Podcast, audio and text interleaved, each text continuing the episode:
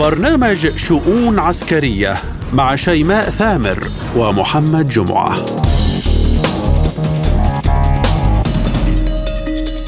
ملفات عسكرية وشؤون جديدة من وكالة سبوتنيك الإخبارية بموسكو. نتناوب على تقديمها لكم أنا شيماء ثامر. وأنا محمد جمعة ونستهلها بالعناوين. الرئيس الروسي يهدد برد نووي على خطوة لندن وشايغو يؤكد أن الصدام بات قريبا. عشرون عاما على غزو العراق فماذا جنى العراقيون من ذلك؟ هل لذلك الغزو شرعية؟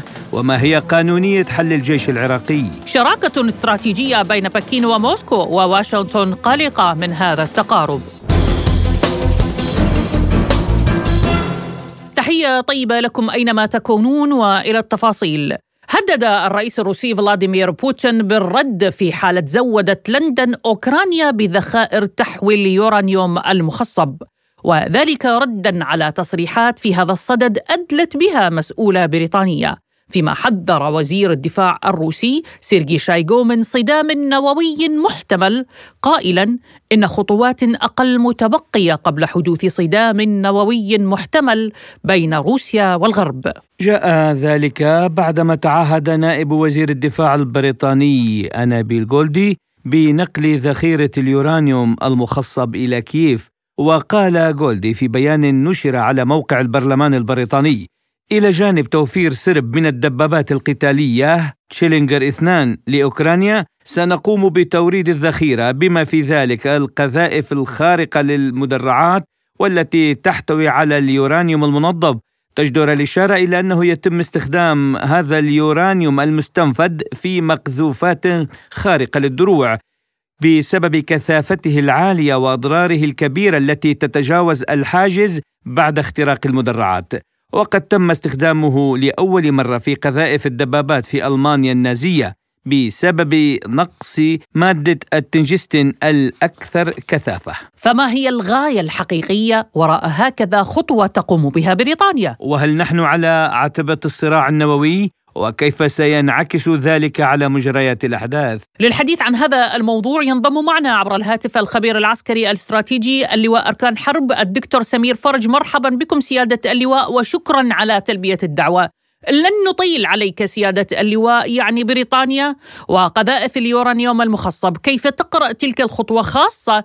أن موسكو لن تقف مكتوفة الأيدي. بالتالي لوحت بالسلاح النووي. كيف تقرأ كل ذلك وأثر انعكاسه على الملف الروسي الأوكراني؟ مساء الخير لحضرتك اولا ما حدث آه، من قيام بريطانيا بإرسال الذخيرة آه، التي منعمة باليورانيوم هو تطور كبير وحاد في الموقف لأن هذه الذخيرة لم تستخدم منذ مدة طويلة وهذه الذخيرة ثبت فشلها وثبت تأثيرها السيء في يوغوسلافيا والعراق عندما تم استخدامها من قبل.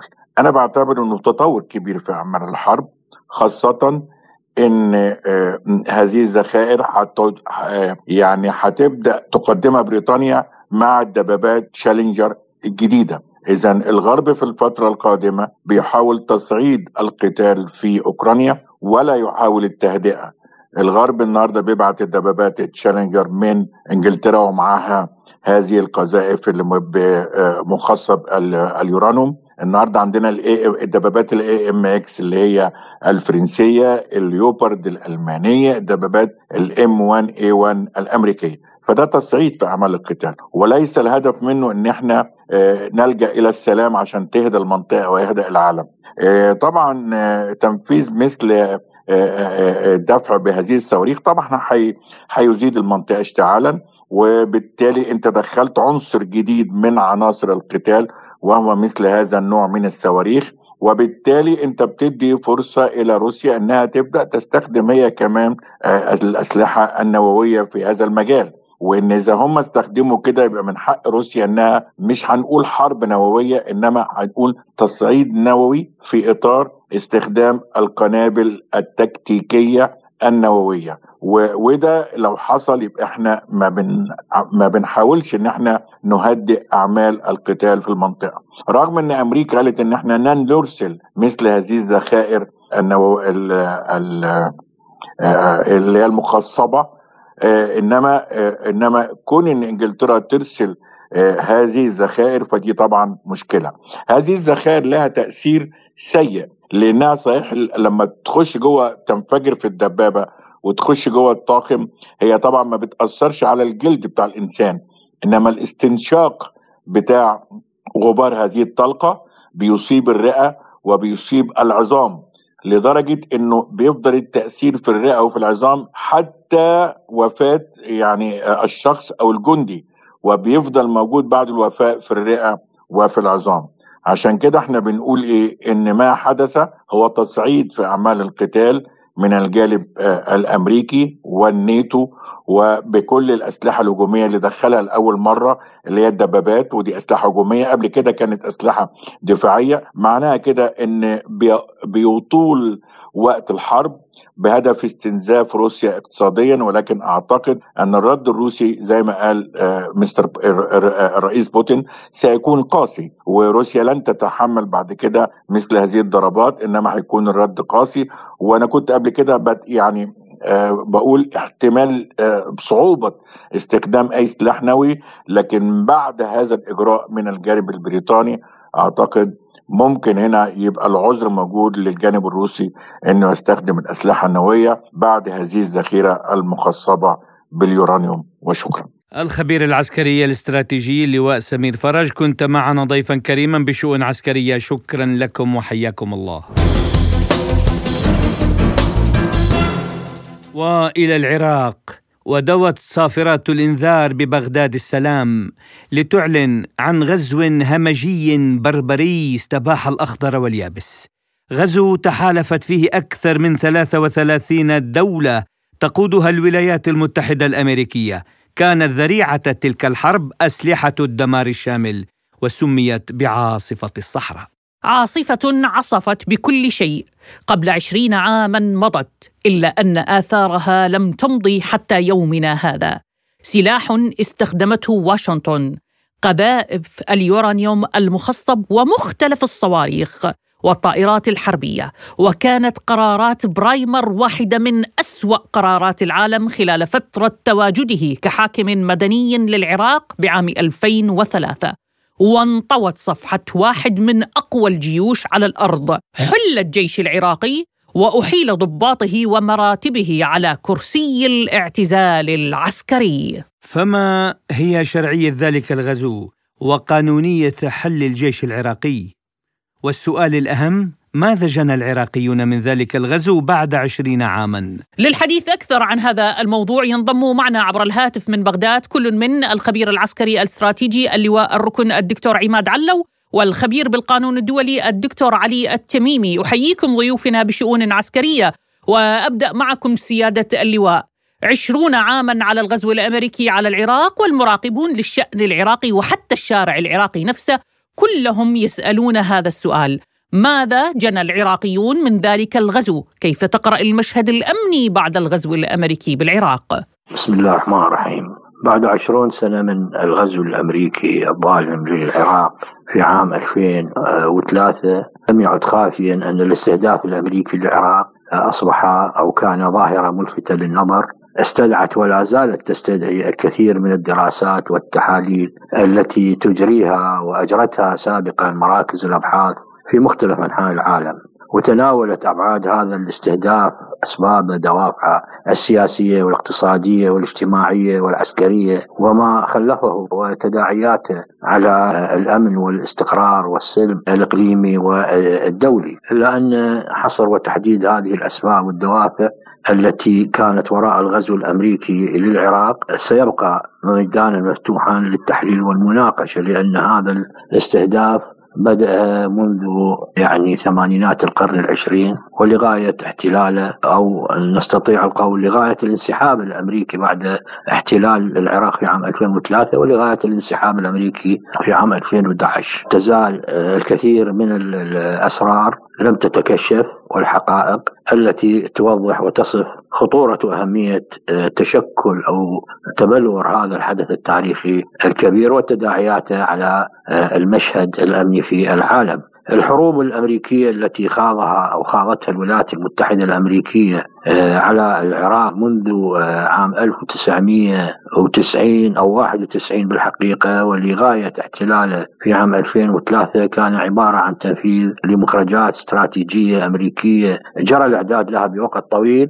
استهدفت تفكيك وتقسيم العراق مجتمعيا وجغرافيا من خلال تدمير قدراته الاقتصادية والعسكرية وتمزيق نسيجه الاجتماعي وترسيخ أو نظام المحاصصة الطائفية في مؤسسات الحكومية والمجتمعية والمناطقية وحتى العسكرية وليس مستبعدا أن تستمر هذه الاستراتيجية إلى أجل غير قريب على الرغم من الادعاءات الأمريكية بأنها جاءت لتجعل من العراق واحد الديمقراطية حيث أن الاستراتيجية الأمريكية تدفع باتجاه بناء وترسيخ نموذج الدولة الفيدرالية القائم في العراق على الأساس المذهبي والطائفي والعرقي ستلغي شيئا فشيئا مركزية الدولة القوية القادرة على أن تكون عاملا إيجابيا في معادلة التوازن الإقليمي وتحقيق الأمن والاستقرار الإقليمي والدولي أنتقل إليك دكتور علي كخبير بالقانون الدولي، دكتور كيف تنظر إلى قانونية وشرعية الغزو الأمريكي على العراق؟ خاصة اليوم هناك الكثير ممن شاركوا بذلك الغزو ومن الدول التي صوتت على ذلك القرار اعترفوا أن الغزو لم يكن قانونيا وأن أسبابه لم تكن شرعية. بسم الله الرحمن الرحيم طبعا الاحتلال الأمريكي للعراق لم يستند إلى الشرعية الدولية، لم يستند إلى قواعد القانون الدولي، لم يستند إلى قرارات مجلس الأمن، بل كانت يعني بحجج واهية لا يمكن أن تكون سبب لاحتلال الدول وأسقاطها. كانت بحجة يعني تهديد الأمن القومي الأمريكي وتفويض من الكونغرس الأمريكي. هذا لا يمكن أن يكون التفويض بديلا عن قرارات مجلس الأمن اللي هو يمثل كل العالم. بالنتيجة هذا القرار هو باطل لم يستند إلى الشرعية الدولية. أيضا هناك فرق بين يعني تغيير الأنظمة السياسية وتغيير الدول. يعني الولايات المتحدة ومن معها لم يعملوا فقط على تغيير النظام السابق بل أيضا غيروا الدولة حطموا البلد بالطول بالعرض. ولهذا طبعا القاعدة تقول ما بني على باطل هو باطل. لم تكن هناك شرعية في هذا الاحتلال. طيب دكتور علي يعني مع ما تقوله ترتب على هذا الغزو العديد من القرارات منها حل الجيش العراقي. قانونيا دكتور كيف تنظر إلى هذا القرار وما ترتب عليه من أحداث أمنية متسارعة؟ يعني حرب طائفية اغتيالات على أسس مذهبية وعشائرية. البعض يرى أن الغرض كان من الغزو الأمريكي إنهاء النظام السياسي السابق الحاكم بالبلد. طيب لماذا كانت الحاجة لحل الجيش العراقي قانونيا؟ يعني بريمر بول بريمر في كتابة مدة سنة في العراق يشير إلى الأخطاء اللي ارتكبها ومنها حل الجيش العراقي كمؤسسة. آه، طبعا في القانون الدولي يجب أن نفرق بين حالتين. الحالة الأولى هي الدولة والحكومة. الحكومات ممكن أن تتغير تذهب لكن الدول باقية لأن الدول هي عبارة عن مؤسسات بالطول بالعرض. الولايات المتحدة الأمريكية لم تعمل على تغيير النظام بل عمدت على تغيير الدولة بالكامل وهذا هو الخطأ الفادح لأنه لو يعني اكتفت الولايات المتحدة بتغيير النظام والإبقاء على المؤسسات كالجيش وغيرها من المؤسسات الأخرى اللي أو الوزارات لكان أفضل استمراريتها وعملها برأيي هاي شكرا. طيب سيادة اللواء بنفس السياق عسكريا كيف تنظر إلى قرار بريمر بحل الجيش العراقي خاصة أنه وبنفسه اعترف بخطئه في هذا القرار.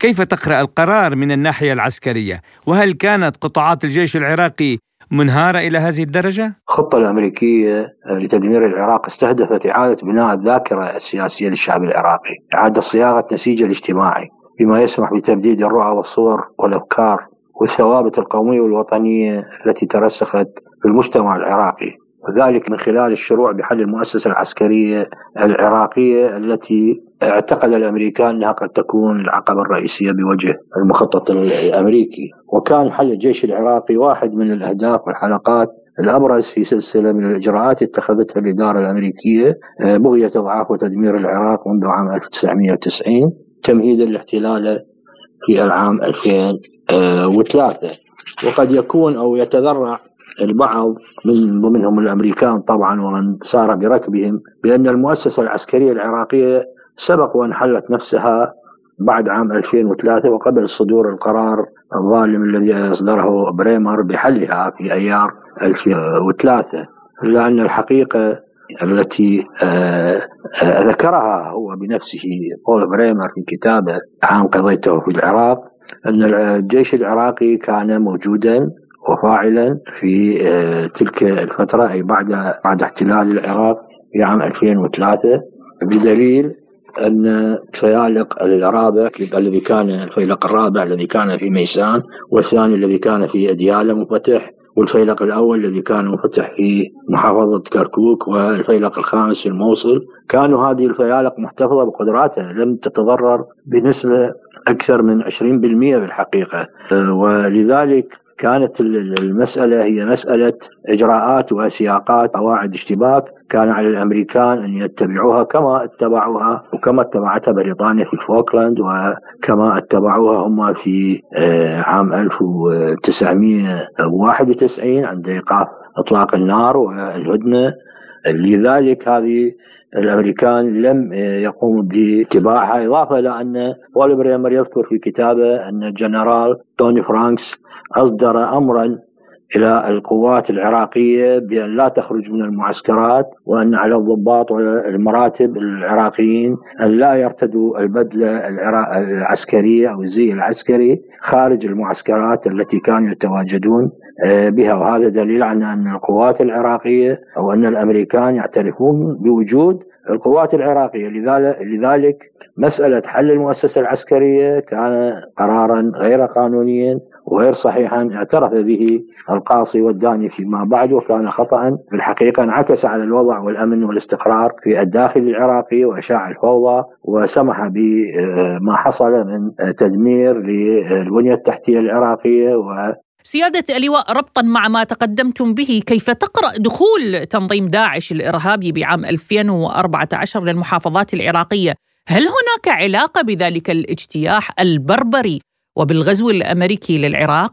بالحقيقة علاقة غابت عن البعض المحللين والمراقبين بشكل يؤسف له لأن الولايات المتحدة الأمريكية دابت على المشاركة مع حلف الناتو بتمرين يعقد سنويا أو ينفذ سنويا في المملكة الأردنية الهاشمية اللي هو تمرين الأسد المتأهب في ذلك الوقت في عام 2014 وبالتحديد في آه، مطلع حزيران كانت القوات التي شاركت في هذا التمرين موجودة لا تزال في المملكة الأردنية الهاشمية وكانت بأعداد كبيرة وبغطاء جوي يربو إلى 350 آه، طائرة عشرات المدرعات وأكثر من 22 ألف جندي مشاركين في هذا التمرين. العراق لم يشترك لأن كان الجيش العراقي منشغل بمعركة الأنبار. ولذلك لم يشارك في هذا التمرين. المنطقة كانت مراقبة بطائرات الأواكس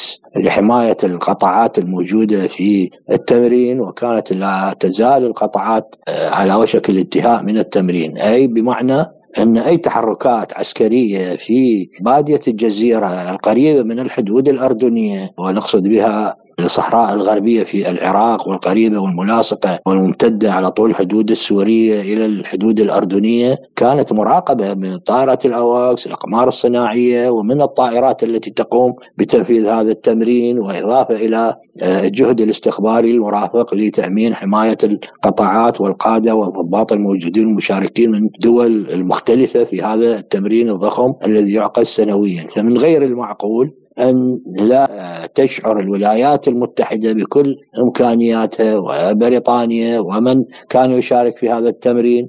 بتحركات عناصر داعش وتحشدهم على آه، الحدود العراقية السورية ومن ثم اندفاعهم لاحتلال الموصل وبقية المناطق التي اجتاحوها في ذلك آه، الوقت. لذلك كان هناك تواطؤ واضح وكان هناك دفع يأتي في سياق سلسلة محاولات إضعاف وتدمير آه، العراق وترسيخ شعور لدى الجمهور العراقي لدى الشعب العراقي بأن قواته المسلحة لم تعد بالقدرات والإمكانات الكافية لمواجهة التحديات وأن عليها مرة أخرى وأن على الشعب العراقي مرة أخرى الاستنجاد بقوات أمريكية أو بقوات احتلال تأتي من خارج الحدود لحمايته وحماية أمنه واستقرار. ختاما دكتور علي أما آن الأوان للعراق من كل ما تقدم وبعد كل تلك المحن والويلات أن يتقدم بشكوى للمحكمة الدولية لمقاضاه واشنطن وحلفائها على الغزو وما ترتب من ذلك الغزو؟ العراق يستطيع أن يلجأ إلى المحاكم الدولية كالمحكمة الجنائية الدولية رغم أن العراق غير منضم إلى هذه الاتفاقية اتفاقية روما 1998 لكن يستطيع العراق أن ينضم إلى هذه الاتفاقية بطلب كما عملت فلسطين وهي عضو مراقب في الأمم المتحدة العراق إذا انضم إلى اتفاقية روما الخاصة بهذه المحكمة يستطيع أن يطالب بمحاكمة بوش وبلير وشوارسكوف وغيرها من هذه آه، العصابات التي آه، احتلت العراق وبدون شرعية دولية. ويستطيع العراق أيضا يطالب بتعويضات قدرت قيمة التعويضات ب 25 تريليون دولار عن تدمير البلد بالطول بالعرض والبنية التحتية واستخدام الأسلحة المحرمة واللي أصابت الأجيال بأمراض سرطانية مثلا في البصرة. وطبعا كان هناك تقرير لتلشكوت البريطاني أدان بلير لمشاركته بالحرب العبثية غير الشرعية. ولاحظنا أخيرا أيضا آه، قرار الكونغرس بسحب التفويض بالحرب على العراق. كل هذه تتيح للعراق المطالبة بالتعويضات والمطالبة بمحاكمة آه، مجرمي الحرب اللي شنوا الحرب على العراق وطبعا العراق ليس فقط يستطيع أن يعني يلجأ إلى محكمة الجناية الدولية وإنما إلى محكمة العدل الدولية أيضا الذراع القضائي للأمم المتحدة. إذا يحق للعراق التقدم بدعوى دولية ضد واشنطن وحلفائها والمطالبة بتعويضات الخبير بالقانون الدولي الدكتور علي التميمي والخبير العسكري الاستراتيجي اللواء عماد علو شكرا لكم وحياكم الله.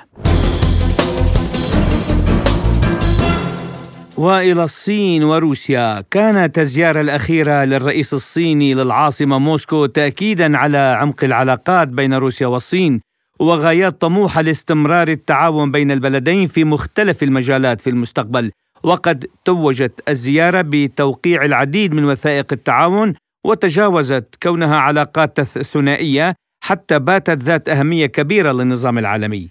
حول هذا الموضوع ينضم إلينا عبر الهاتف من الخرطوم الخبير العسكري والاستراتيجي الدكتور أمين إسماعيل. أهلا بكم دكتور بشؤون عسكريه بداية هل سنشهد تعاونا وحلفا عسكريا خاصا؟ بين بكين وموسكو وأن واشنطن أعربت عن قلقها من هذا التقارب بين الجانبين كمراقب عسكري وخبير. كيف تنظر إلى ذلك؟ العلاقات بين بكين وروسيا هي علاقات استراتيجية من الطرفين. كل ينظر إلى الآخر لأن هنالك علاقات استراتيجية في المجال العسكري والاقتصادي والقرب الجغرافي. وأيضا في الآونة الأخيرة ظهر العهد المشترك وهو الولايات المتحدة الأمريكية. التي تحاول آه، إدخال الصين الآن في الحرب الموجودة الدائرة في أوروبا بين روسيا وأوكرانيا. ايا كانت مسببات هذه الحرب فإن الصين حددت موقفها بأن عرضت الوساطة وعرضت الحل السلمي والمفاوضات بين الجانبين. لكن التحركات الأمريكية نحو تايوان وزيارة بعض القادة السياسيين لتايوان يؤكد أن هنالك تهديد كبير للصين من قبل الولايات المتحدة الأمريكية لذلك آه، في تقديري أتوقع أن يكون هنالك تحالف وحلف عسكري بين بكين وروسيا لمواجهة التهديد الأمريكي بصورة مباشرة. أيضا التحالف يخدم إنشاء نظام عالمي جديد متعدد الأقطاب وليس قطبي واحد. وهذا لا يتأتى إلا بتحالف آه، روسيا مع الصين وكذلك مجموعة البريك التي لديها وجهة نظر آه، حول الحرب الدائرة الآن. وتعتبر أن هنالك تهديد لروسيا من قبل الاتحاد الأوروبي. اذا التحالف العسكري الاستراتيجي بين بكين وموسكو سيغير كثير في الأوضاع الاستراتيجية في المنطقة وفي العالم.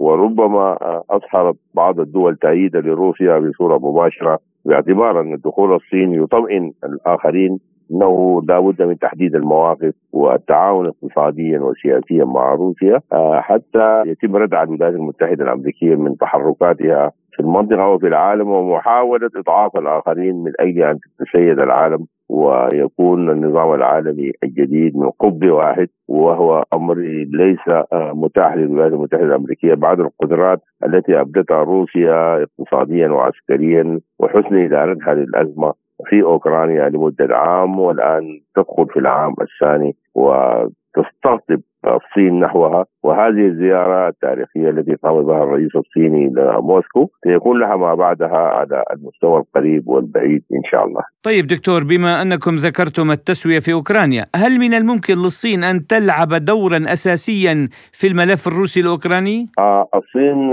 بعلاقاتها مع الطرفين آه تستطيع أن تجد مخرج آه للأزمة الموجودة الآن في شكل تسوية ولكن دون آه، وجود منتصر ومهزوم. بمعنى إزالة المخاوف الروسية من اقتراب الناتو إلى الحدود الأوكرانية وأيضا حسم مسألة المقاطعات الأربعة التي استقلت حديثا وأيضا منع الولايات المتحدة الأمريكية من التدخل في الملف بتحمل جزء من تكلفة الإصلاح وجزء من تكلفة إزالة ما حدث في الحرب باعتبار إنه هنالك تبعات اقتصادية على الطرفين. لكن آه، بدون آه، تحقيق الأهداف الروسية لن تنجح التسوية والصين تعلم ذلك ولكنها تريد أيضا إبعاد شبح الحرب عن آه، منطقة جنوب شرق آسيا تحديدا وفي نفس الوقت هي تعمل على الاستفادة من هذا الوضع الموجود العالمي لتخرج بوسيط دولي مقبول يمكنها من تحديد موقفها في النظام الجديد الذي سيتمخض بعد الحرب الروسية الاوكرانيه. طيب دكتور هل تعتقد أنه هيمنة الغرب فعلا يعني وصلت إلى نهايتها لا سيما بعد المشهد الروسي، الصيني، الإيراني، السوري من أجل عالم متعدد الأقطاب؟ نعم الغرب الآن هو الذي يعاني اقتصاديا، الغرب بكامله والولايات المتحدة الأمريكية ورأينا تناقض الدعم العسكري لأوكرانيا وهذا دليل على أن آه، آه، روسيا نجحت في إدارة المعركة اقتصاديا. ولا كان مقصود أصلا هو استنزاف روسيا اقتصاديا. ولكن وضح الآن أن المعاناة في أوروبا أكبر وتاثر الاقتصاد الأمريكي أكبر ورأينا ثلاثة بنوك الآن افلست في الولايات المتحدة الأمريكية وهذا دليل على أن روسيا نجحت آه، إلى حد كبير في اداره المعركه اقتصاديا مثل ما نجحت عسكريا وهذا سيؤدي إلى تغيير آه، في تركيبة العالم وربما باستعادة روسيا آه، مكانتها الدولية مرة أخرى. سؤالنا الأخير لكم دكتور يعني بعد اجتماع الرئيسين الصيني والروسي هل سيتعزز موقف الاتحادات الإقليمية مثل منظمة شنغهاي للتعاون ومجموعة البريكس؟ نعم المنظمات الإقليمية موعودة بالصعود مرة أخرى وهذا دليل على أن مسألة القطب الواحد لا مكان لها في العالم والآن مجموعة البريكس هي هي سيدة الموقف الآن. وربما ينشأ تحالف جديد في في آسيا. يجمع مجموعة شنغهاي وترعاه روسيا بصورة مباشرة. وأيضا النمور الآسيوية لديها كلمة. هي الآن اتجهت إلى الولايات المتحدة الأمريكية قبل عشر سنوات في العقد الماضي ولكنها الآن تنظر إلى روسيا كشريك اقتصادي يمتلك الطاقة التي تحتاجها يمتلك الغاز البترول كل الموارد التي تحتاجها للتصنيع آه، موجودة قربها في في روسيا آه، ولذلك آه، كل المنظمات القارية الإقليمية ستنتعش بعد هذه الحرب وربما تغرب شمس الولايات المتحدة الأمريكية في آسيا وفي شرق أوروبا مثلما غربت في في الناتو الذي تعثر كثيرا في تنفيذ السياسات والاستراتيجيات الأمريكية. الخبير العسكري والاستراتيجي الدكتور أمين إسماعيل كنت معنا ضيفا كريما من الخرطوم. شكرا لكم وحياكم الله. إلى هنا نصل وإياكم لختام حلقة اليوم من شؤون عسكرية. رافقناكم بها من وراء المكسر محدثتكم شيماء ثامر. وأنا محمد جمعة. شكرنا موصول لضيوفنا الكرام بهذه الحلقة. الخبير العسكري اللواء سمير فرج والخبير العسكري ومدير مركز الاعتماد للدراسات السياسية والاستراتيجية الدكتور عماد علو. والخبير بالقانون الدولي الدكتور علي التميمي والخبير العسكري الاستراتيجي الدكتور أمين إسماعيل. للمزيد يمكنكم زيارة موقعنا الإلكتروني. أرابيك سبوتنيك دوت أي إيه دمتم بأمان الله وحفظه.